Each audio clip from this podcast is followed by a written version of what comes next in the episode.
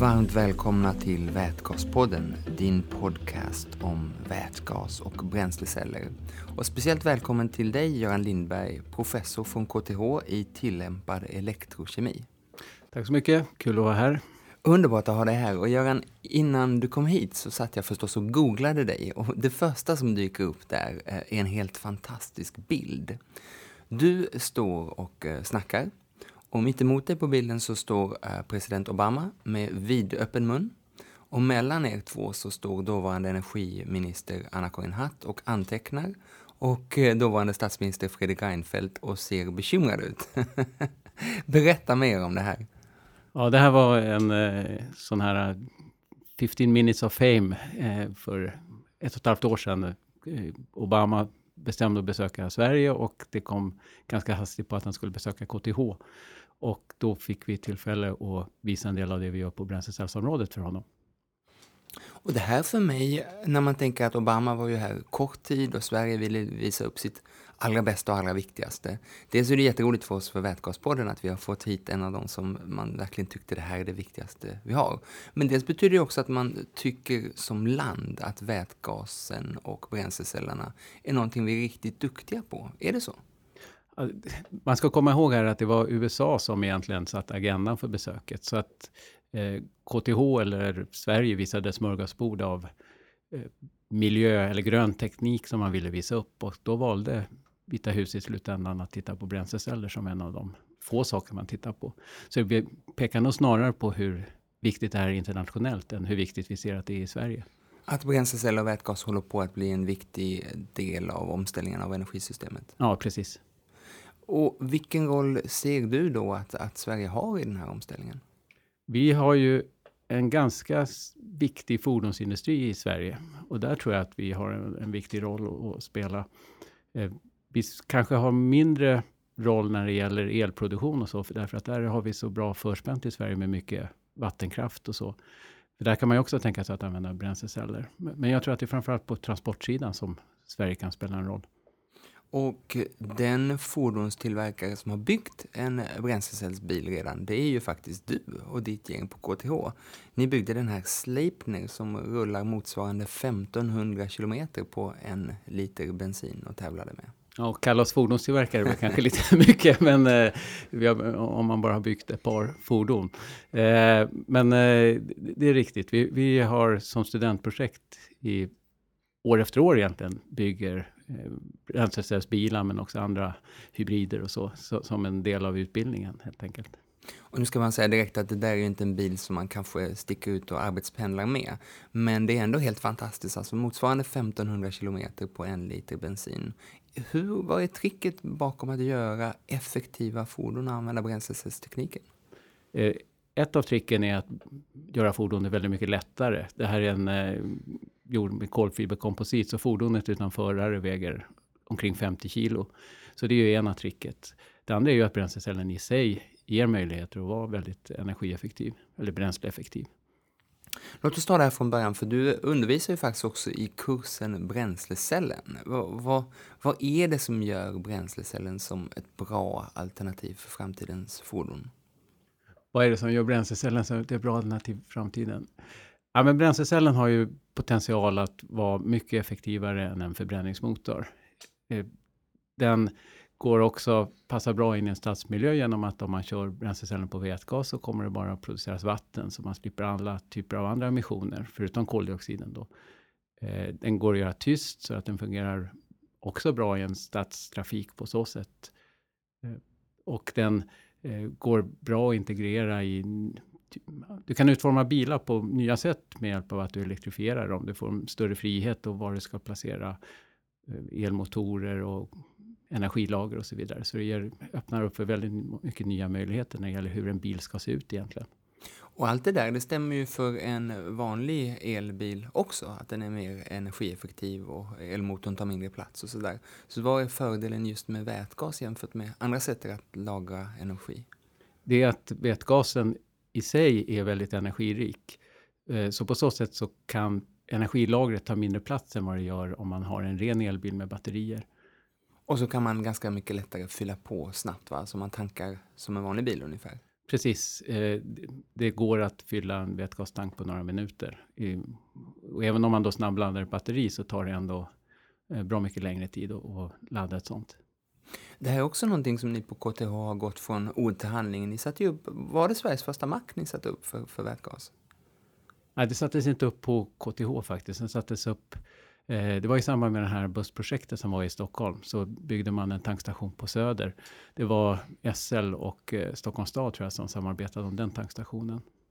Men ni var med och hjälpte till att upphandla en vätgasdemo, visst var det så? Ja, eller oj, eh, det där ligger lite bak i tiden. Vi var med och utvärderade de bussar som rullade i varje fall, både tekniskt men också hur förare och även passagerare upplevde att jobba med bränslecellsfordon.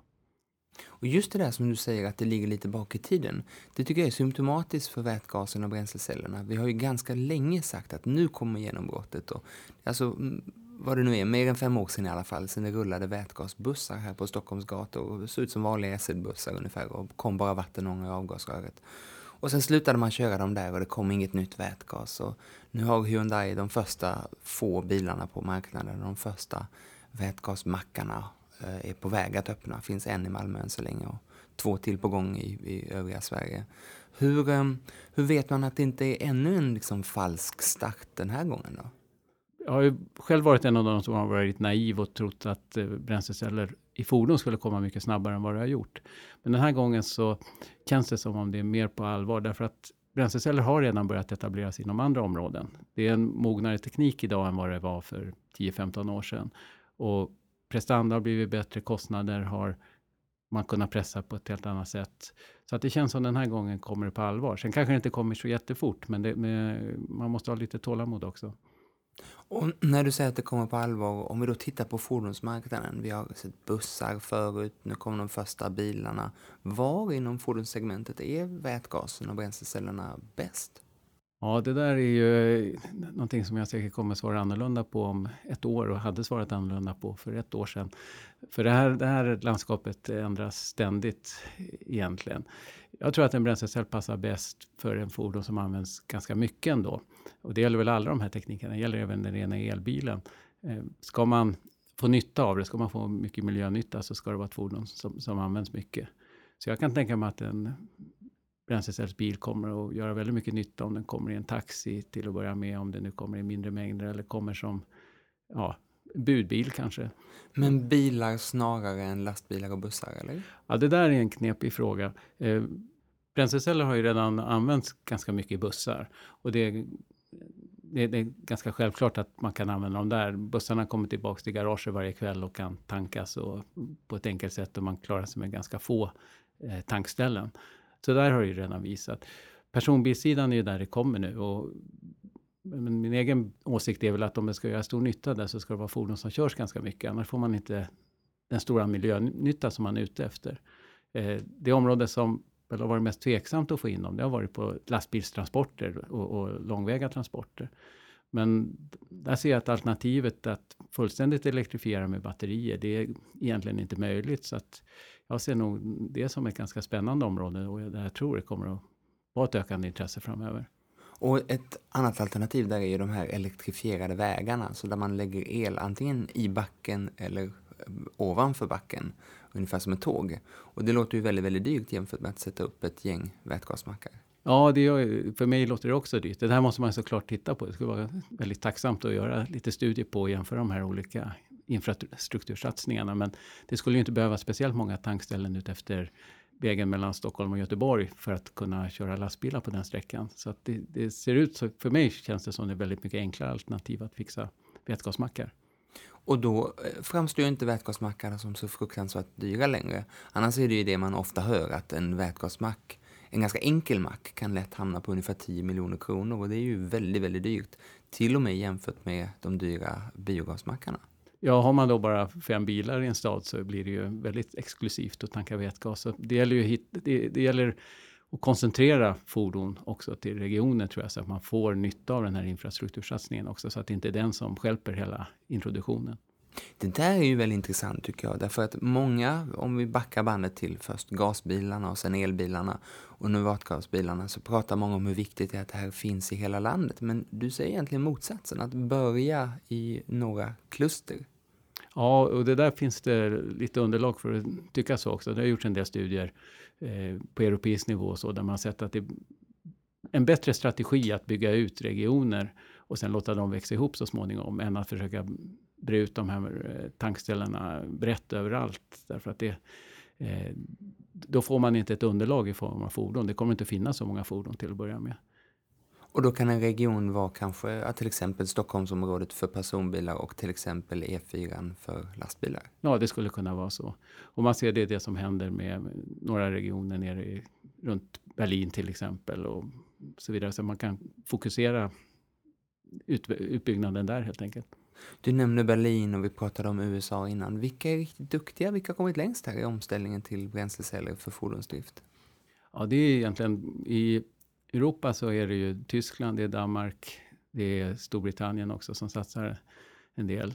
Sen är det vissa delstater i USA då som, som är, och Kanada och sen Japan, Korea där man ser mest av det här.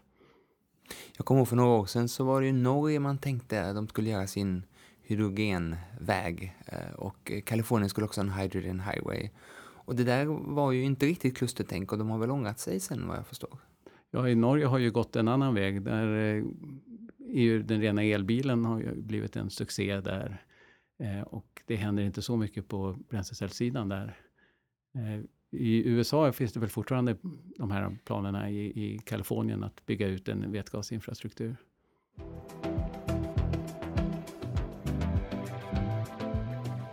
Och nu kommer de första personbilarna på eh, vätgassidan. Toyota har gjort en som börjat säljas och Hyundai säljer faktiskt eh, vätgasbilar redan nu i Sverige. Man kan gå in i bilhandeln även om det är ganska få bilhandlare och det finns bara tre bilar på vägarna åtminstone medan vi sitter här. Men på bilindustrisidan där fick vi ju storstilade löften om en miljon vätgasbilar år 2020 för några år sedan. Och nu har man backat bandet lite grann och sagt att Eh, serieproduktion av vätgasbilar till år 2020. Men den delen kan vi ju redan bocka av. Så hur ser, det har ju både Hyundai och Toyota redan. Så hur ser framtiden ut de närmaste fem åren för bilindustrin? Jag tycker det här är jätteviktigt att det här händer nu, att det kommer ut riktiga bilar, kommersiellt tillverkade bilar man får hela tiden tillbaks det här, men de finns ju inte. Men nu finns de ju faktiskt och de går att köpa, även om det inte är några stora mängder av dem. Och jag tror att det här kommer dra med sig andra tillverkare också, som ser att man kan inte vänta på att hoppa på tåget för länge, för då hinner det gå. Så att jag, jag tycker det är, väldigt, det är väldigt viktigt. Men det skulle behövas ytterligare några av de här stora fordonstillverkarna som också går in, tror jag, för att man verkligen ska få lavinen igång här när man sitter hemma och snackar med sina kompisar om sådana här grejer så liksom lösningen över köksbordet brukar alltid bli att de borde göra saker tillsammans och inte konkurrera om någonting när marknaden är så liten och kostnaden är så hög. Är det så eller är det var och en för sig? Äh, de, de eh, samarbetar väldigt mycket så det har blivit eh, konstellationer av eh, stora fordonstillverkare som går ihop för att lösa det. Och framförallt på infrastruktursidan, där pratar man ihop sig och har standardiserat. Så där konkurrerar man alls inte, utan där ser man att man behöver varandra för att just skapa tillräckligt underlag för att bygga ut infrastrukturen.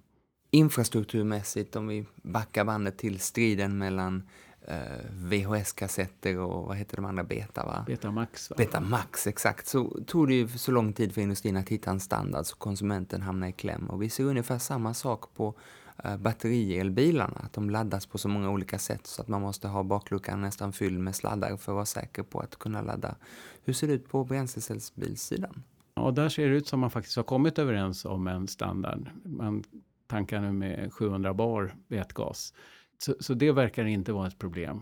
Eh, att, att man behöver åka till rätt mack för att kunna tanka sin bil, utan det, det verkar man kunna standardisera. Tidigare hade vi någon tillverkare som tänkte att man hade vätgasen direkt i tanken på bilen och förbrände den ungefär som man förbränner bensin och diesel. Men det spåret är borta nu va? Ja, det, det, det tror jag inte. Det har jag inte hört någonting om på flera år nu. Att man tittar på det, utan nu är det kopplat till bränsleceller.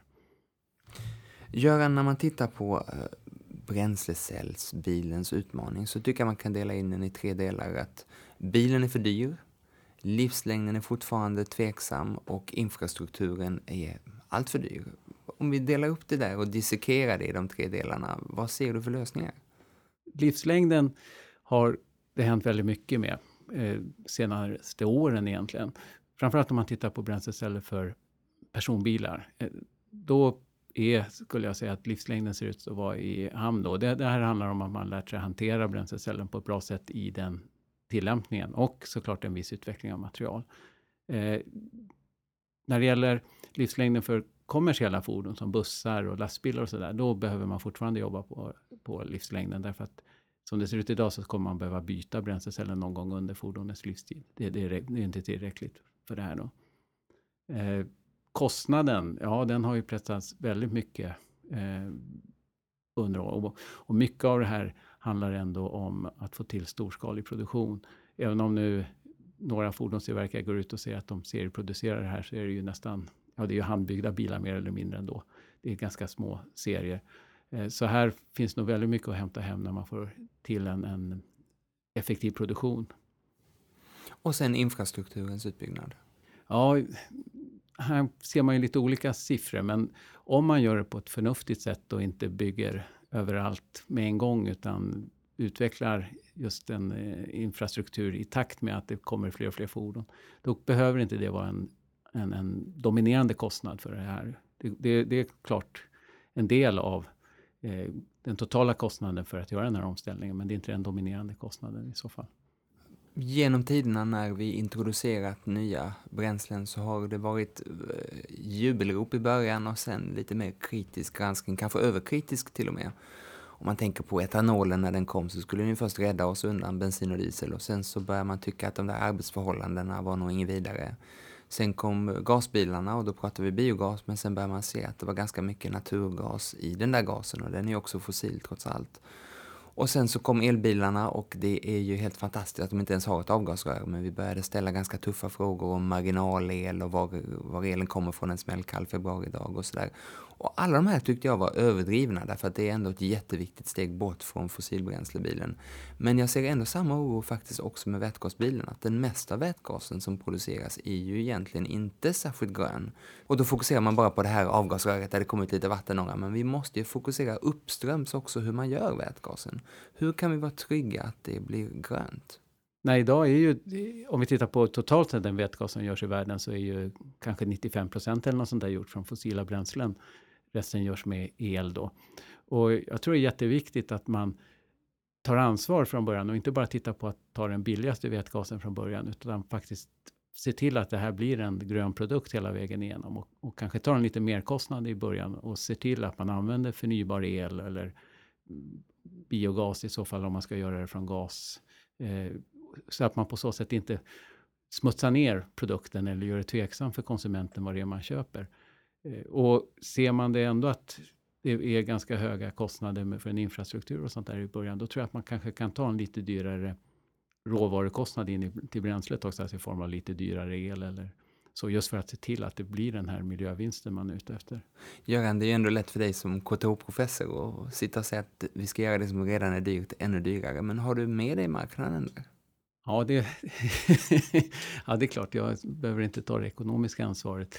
Eh, för det här. Men jag tror att om man, eh, vi har ju sett, precis som du nämnde, alla de här områdena där det blir tveksamheter kring det hela. Så frågan är om man har råd att inte vara, eh, ha en tydlig grön profil när man gör det här och få den här tveksamma diskussionen. Varför ska man betala på 100 000 extra för ett fordon som då inte känns grönt? Det, det blir mer tveksamt. Och jag fattar det som att de mackar som är på gång i Sverige, de kommer alla att göra det här på av, av grön el, va? sol och vind verkar det bli. Ja, det verkar bli så att man, man gör så. Och det finns ju andra fordonstillverkare som idag säljer elbilar eller laddhybrider som också på det sättet ser till att koppla det till att det finns en elproduktion som man eh, tar ansvar för och på så sätt köper, när man köper fordon, då köper man också en certifierad el till det fordonet. Så jag tror att det kan vara en paketlösning som fungerar, trots att det som du säger blir lite dyrare i slutändan för konsumenten. Det är så skönt att sitta här för då kan jag låtsas att jag egentligen förstår men att mina lyssnare nog inte förstår. Och en sak som mina lyssnare nog inte förstår är hur det är möjligt att driva ett fordon på vätgas som alltså kan göras av el, men också av naturgas och också av kol och av nästan vad som helst. Hur går det där till? Ja, det är ju egentligen rätt fantastiskt och det, där ser jag en väldigt stor fördel med att använda vätgas också. Eh, på samma sätt som vi idag kan använda el som är gjord på väldigt många olika sätt. Eh, vätgasen är ju, vätgas gör vi ju, det är ett grundämne eh, som vi använder som är väldigt energirikt och genom att det kan framställas från vatten, vilket vi gör i elektrolys, eller kan framställas från kolväte som man hör på namnet innehåller både kol och vete, då, så kan vi få fram vätgasen på flera olika sätt. Och vätgasen är ett av de vanligaste ämnena som överhuvudtaget finns. Så att vi snackar inte om, i grunden snackar vi inte om någonting väldigt, väldigt ovanligt eller väldigt svårt. Nej, just det. Grundämnet vätgas finns ju. Haven är fulla av vatten, det vet vi. Det är ett väldigt vanligt grundämne. Så det är inte en diskussion, utan diskussionen är just att, att det måste vara vätgas i, i sin molekylära form som innehåller, vätga, som innehåller energi. Då. Och det är hur, hur ska vi få till den energin egentligen? Så vätgasen är ju bara en energibärare. Det är ju energi egentligen vi pratar om. Hur ska vi, hur ska vi förse våra fordon med energi? För det är det som behövs för att de ska rulla. Om vi nöjer oss med att försöka förstå bilen här. Vi fyller den med vätgas, det tankar man ju ungefär som man tankar en vanlig bil. Sladden är lite grövre, det tar en sekund extra att koppla fast den, men sen så tankar man på tre minuter och sen har man då en tank fylld med den här energibäraren vätgas. Vad händer sen? Då går den här vidare till bränslecellen. Man måste ta ner trycket för det är ju väldigt högt tryck i tanken då för att inte den ska ta så, ta så stor plats. Eh, det är en av nackdelarna med vätgas att den är väldigt energirik om man tittar till vikten på den. Men tittar man på volymen så är den, eh, tar det ganska mycket plats då i förhållande till den energi den har. Så därför måste man trycka ihop den med högt tryck. Då tar man ner trycket på det, leder in det i en bränslecell och så tar man också in luft i den här bränslecellen. Och då gör man genom att vätgasen reagerar, reagerar med eh, syrgasen egentligen, men på ett separerat sätt på samma sätt som ett batteri och ut får vi elektrisk energi och vi får också en del värme. Och det enda som bildas då är vatten. Och den där elektriska energin, den plockar man över ett batteri och sen så påminner det hela om en vanlig batterielbil va? Förutom sättet som man lagrar eller omvandlar den här energin på så är det ingen skillnad mellan en ren elbil och en bränslecellsbil. Och den här värmen då, när man upptäcker att det, när det blir värme så brukar man ofta tycka att det där är dumt. Att eh, då har vi förmodligen haft en energiförlust någonstans. Men här låter det som att det är nästan lite bra att vi får lite värme. Ja, egentligen är ju värmen en energiförlust som du säger. Och lite förluster kommer vi alltid ha. Eh, det har ju faktiskt visat sig då i batteribilarna att de är nästan för energieffektiva. Det blir för små förluster så att man får sätta in extra värmare eller man har problem med körsträckan på vintern om man också vill ha någorlunda dräglig temperatur inne när man sitter och kör. Den värme som man får ut från en bränslecell gör då att man kan använda den för att värma upp kupén till exempel. Så att det kommer inte krävas el för att värma upp kupén i en bränslecellbil utan det kommer finnas ett överskott av värme. Så då om en eh, vanlig elbil kanske är bäst lämpad för andra ställen där det inte är fullt så kallt så kanske en bränslecellsbil är väl lämpad för ett område där det ändå är lite kallt? Ja, det kommer inte ha problem att fungera. Om man har kallstartat bränslecellsbilar uppe i norra Kanada och sånt där med rejäla minusgrader och det fungerar. Så att den är även byggd för ett svenskt klimat. Men nu tänker jag att jag eh, cyklar på Stockholms gator vintertid bakom en vätgasbil. Kommer inte jag halka omkull nu då? Ja, det där är en eh, fråga jag ofta får. Och, eh, även vanliga bilar gör ju vatten det är ju det som bildas i förbränningen. När det är koldioxid och vatten som kommer ut ur avgasröret ur en vanlig bil också. Det är det som ryker på vintern. Så att det kommer att ryka ur den här bränslecellsbilen och kommer att komma ut så ånga. Eh, och det kan ju också, jag minns de här bussarna som gick i Stockholm för några år sedan på kall vinterdag så såg det ut som det var riktiga rökplymer som gick ut ur dem då. Och då får man ju inte känslan av att de är avgasfria heller. Men det är bara vattenånga som kommer ut. Nej, jag tror inte du kommer att ha halkigare än vad du har har haft redan nu då när du cyklar på vintrarna i Stockholm när bränslebilarna kommer. Men jag kommer ihåg, det var någon tv-reportage där de så typiskt, du har säkert varit med om det hundra gånger, skulle filma vattenångan som kom ut ur avgasröret och fylla ett dricksglas. Det tog ju väldigt tid att fylla det där dricksglaset, så några jättemängder verkar det inte vara. Nej, det är det inte. Eh, och, och, det mesta går iväg så många, som sagt var. En oro som många har med elbilarna och väl också med bränslebilarna är det här man kallar rare earth metals, alltså att det går åt en massa dyra, ovanliga materialslag som behövs för att göra tekniken. att de där kanske kommer från länder som vi inte vill göra oss beroende av och att de kanske rent av tar slut eller åtminstone blir ännu dyrare. Ja, och den metall som bränsleceller är mest beroende av, det är platina och platinagruppens metaller. Platina finns, eh, det som bryts idag så är någonstans 70-80 procent av den kommer från Sydafrika. Och det är ganska begränsade resurser som finns. Och det här är en berättigad oro skulle jag säga. Om det handlar om att vi ska ha en miljard eh, bränslecellsdrivna fordon i världen så kommer vi ha problem om vi använder de mängder platina som det finns i de fordon som kommer ut idag. Då måste vi tänka till ordentligt. Så det är viktigt att vi recirkulerar den platina vi har. Där finns det ju ett restvärde såklart då i en begagnad bil.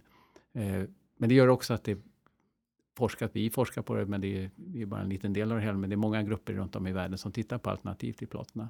Men just nu är det det bästa alternativet. Rent miljömässigt då så um, samma diskussion som man har med elbilarna, att vi måste titta på själva batteriet också. Hur är det rent miljömässigt med platinan och de andra ämnena som finns i uh, bränslecellen? Ja, det här gör att man måste inte bara titta på de utsläpp som kommer från fordonet under, medan man har det som ägare under drift, utan man måste också titta på de utsläpp som blir när man tar fram materialen till dem. Så man flyttar på sätt och vis lite av utsläppen. Man minskar utsläppen under driften och så blir det mer utsläpp faktiskt under att ta fram alltså gruvbrytningen och plocka fram metallerna. Och det gäller också elbilar där man har de här, som du säger, sällsynta jordartsmetallerna som finns i både i elmotorer men också i en del av de batterier som används för elbilar. Men i alla fall om man gör bränslet på rätt sätt eller gör energibäraren på rätt sätt så blir kalkylen totalt sett kraftigt positiv i alla fall. Ja, det blir den. Hur mycket ungefär vågar du, kan man säga det? Finns det någon etablerad siffra där? Ja, det finns ju eh, flera sådana här livscykelanalyser och, och som är gjorda. Det är inte någonting av det jag har i huvudet här, men det, det, det man ser är just det här att man sänker definitivt utsläppen under användningen av fordonet, men man flyttar dem till produktionen av fordonet istället. Och det där är ju mer värdefullt än det kanske först låter. Först tänker man att det där är ju nästan ett nollsummespel. Och det är ju risk att det blir då totalt sett om man inte gör elen på riktigt rätt sätt eller, eller vätgasen. Men att få bort utsläppen från våra städer till en kontrollerad miljö låter ju väldigt värdefullt, inte minst för tror jag 70 städer i Sverige där vi har så dålig luftkvalitet så den egentligen är olaglig. Ja, och Sverige har ändå väldigt bra luft jämfört med många andra regioner i världen. Tittar vi på Kina, tittar vi fortfarande på eh, storstäder i USA så är det ju eh, det finns många länder idag som har smogproblem på grund av biltrafiken. Så att det finns ett stort värde, även om man inte minskar koldioxidutsläppen, bara att minska utsläppen i städerna. Och det var faktiskt det som var nästan den mest drivande kraften när jag en gång i tiden började jobba med bränsleceller för fordon. Det var just att de lokala emissionerna som drev på väldigt mycket. Den här bränslecellen, vad är det som gör att den åldras och till slut måste bytas ut? Ja, det är både det att eh, man har något man kallar en katalysator. Det som egentligen gör att vätgasen och syrgasen omvandlas och så småningom blir vatten. Eh, den åldras med tiden. Den ska inte göra det. I ordet katalysator säger att det är någonting som egentligen bara ska få den här reaktionen att ske, men som inte själv ska påverkas. Men i verkligheten så åldras den här sakta på grund av att det kommer in föroreningar, men också på grund av att den eh, är en sån miljö så att den blir som vi människor blir. Vi, vi, man åldras med tiden. Detsamma gäller då andra komponenter i bränslecellen. Så med tiden så blir verkningsgraden lite sämre. Man får ut lite lägre effekt och så småningom så går den inte längre att använda men det är inte ett plus avläge där man plötsligt blir stående eh, i omkörningsfilen på E4 att plötsligt tar bränslecellen slut. Nej, utan det är snarare att den blir lite, man kommer att märka det i form av att det blir lite högre bränsleförbrukning och kanske lite lägre eh, effekt i, i, bilen. Den kanske accelererar lite långsammare eller någonting sånt, men, men det blir inte ett tvärstopp. Göran, hur länge har du egentligen hållit på med bränsleceller och vätgas? Ja, det är ju alldeles för länge, höll jag på att säga. 25 år har jag hållit på med det här området. Om du tittar från det du började till där vi är nu, om man drar, kan man dra en linje där? Finns det liksom, blev det som vi trodde eller vad är de stora ögonblicken i bränslecellens historia? Tittar man på bränsleceller i fordon så är det en väldigt stor skillnad från när jag började titta på det här. Då fanns det Eh, då var det mer entusiaster och eh, den typen av, av, personer som ägnade sig åt det här medan de stora fordonsföretagen fortfarande gjorde de någonting med det här så var det ingenting de pratade så högt om. Eh, idag är det ju, de har ju initiativet helt gått över till de stora fordonstillverkarna när det gäller att sätta in det här och det är en eh, mycket mer professionell eh, hantering av det hela. Så att det, det, det har en märkbar eh, förändring. Sen så när jag själv började titta på bränsleceller, då var det inte transportområdet som var i fokus, utan då var det faktiskt elproduktion med hjälp av bränsleceller. Eh, från naturgas eller från biogas och så. Och det området har ju fortsatt att bara utvecklas och, och har idag egentligen kommit längre än vad fordonen har gjort. Så att där finns det ju kommersiella produkter idag. Däremot ser vi inte mycket av det i Sverige därför att vi har inte en sån elmarknad och gasmarknad och så där bränsleceller egentligen passar in speciellt bra. Men tittar vi runt i världen så är det här en marknad som växer. Och din egen och forskningens roll, hur har den förändrats under alla de här 25 åren som du har hållit på? Ja, den har ju förändrats ju också därför att när man jobbar med en ganska omogen teknik, då kan man egentligen ta, eh, jobba mycket mer med helheten. Sen när någonting närmar sig och blir en produkt mer då, och företag blir inblandade, då blir man som forskningsutförare mer att man hamnar i detaljer och jobbar med det som är begränsningarna, som till exempel livslängd då, eller att komma åt att använda en eh, dyr och begränsande katalysator, platina till exempel. Så det, då blir det mer sådana forskningsfrågor som, som hamnar, som vi jobbar med. Så att på så sätt så forskningens innehåll ändras också över en sån här period. Den här frågan var man ska använda bränslecellerna bäst, i huset och fabriken eller bilen eller som laddare till mobiltelefonen, det har vi faktiskt ett svenskt företag som börjat erbjuda är svaret all of the above helt enkelt? Att vi ska göra alltihop? Eller vad, hur ska vi rikta in oss? Jag tror att vi behöver eh, vissa produkter kan ta en större kostnad och, och kan på så sätt gå eh, tidigare komma ut på en marknad och hjälpa till att få upp volymer och eh, skapa kunskap. Så jag tror att vi ska försöka jobba med alla de här produkterna. Det är svårt att säga var det kommer att göra mest nytta, men det är klart, tittar vi globalt så är det ju så att en väldigt stor del av vår el görs av fossila bränslen idag. Och att använda bränsleceller då för att höja verkningsgraden skulle kunna få en väldigt stor betydelse för de totala koldioxidutsläppen. Tittar vi i Sverige, då är det ju vägtransporter som står för en ganska stor del av koldioxidutsläppen och då betyder att bränsleceller för vägtransporter är en viktig del för Sverige för att minska våra utsläpp. Sverige har ju som mål att vi ska ha en fossilbränsleoberoende fordonsflotta till år 2030. Och det där målet som är grunden för 2030-sekretariatet som jag själv driver tycker jag är så häftigt därför att det gäller ju då hela vägtrafiken, inte bara de nya fordonen. Och det gäller hela fordonsflottan, inte bara bilarna, personbilarna. Vilken, hur stor roll till år 2030 tror du vätgasen kan ha i att vi ska klara det här målet? Jag tror inte det kommer att hinna få så jättestor roll därför att eh, fordon som rullar på vägarna, de hinner bli ganska gamla. Det är en ganska långsam eh, omsättning av, av, fordon. Och jag har sett eh, bara hur lång tid det har tagit att få in hybridfordon och få in rena elfordon som ju har kommit längre i sin utveckling. Det är fortfarande en, en minoritet av de fordon som rullar i Sverige. Däremot så tror jag att alla de här eh, nya eh, teknologierna, teknologin, teknikerna, de ser till att de konventionella fordonen blir bättre och bättre. De pressar bränsleförbrukningen även i en vanlig förbränningsmotor. Så konkurrensen är, tror jag är väldigt viktig för att nå, hjälpa till att nå målen. Om man nu har lyssnat på Vätgaspodden, ett antal av de här avsnitten vi har sänt och tänker det här vill jag vara en del av, vad ska man göra då? Oj. Det... ska man gå din kurs till exempel, bränslecellen på KTH? Ja, men jag, Ja, vi försöker ju såklart baka in det här i kurser på olika sätt och inte bara den kursen utan andra kurser. Jag tror att det här är en, att ha kunskap om den här tekniken eh, tror jag är någonting som man har långvarig nytta av. Därför att det här kommer att bakas in i olika typer av produkter och det kommer att vara allting att man förstår vad man kan göra med den här också när man planerar samhälle framöver och så vidare. Det, det tror jag är väldigt viktigt. Eh, men sen att som privatperson ge sig på det här, ja, det, det, man kanske ska vara en early adapter och se till att man ställer sig i kö för att köpa ett bränslecellfordon tidigt. Det är kanske är ett, ett sätt att bli involverad i det hela. Har du gjort det själv? Nej, det har jag inte gjort. Barnen tjatar, men jag säger att jag kör för lite bil för att jag tycker att det ska vara någon mening med att jag ska ha en bränslecellbil. Men du skulle snabbt byta till den taxi som gick på bränsleceller? Ja, det skulle jag göra. Göran Lindberg, professor från KTH, varmt tack för att du, varmt tack framförallt för de 25 år du jobbat med bränsleceller och vätgas. Du är en viktig del i att vi sitter och är där vi är idag. Men också stort tack för att du kom till Vätgaspodden. Ja, tack för att jag fick komma.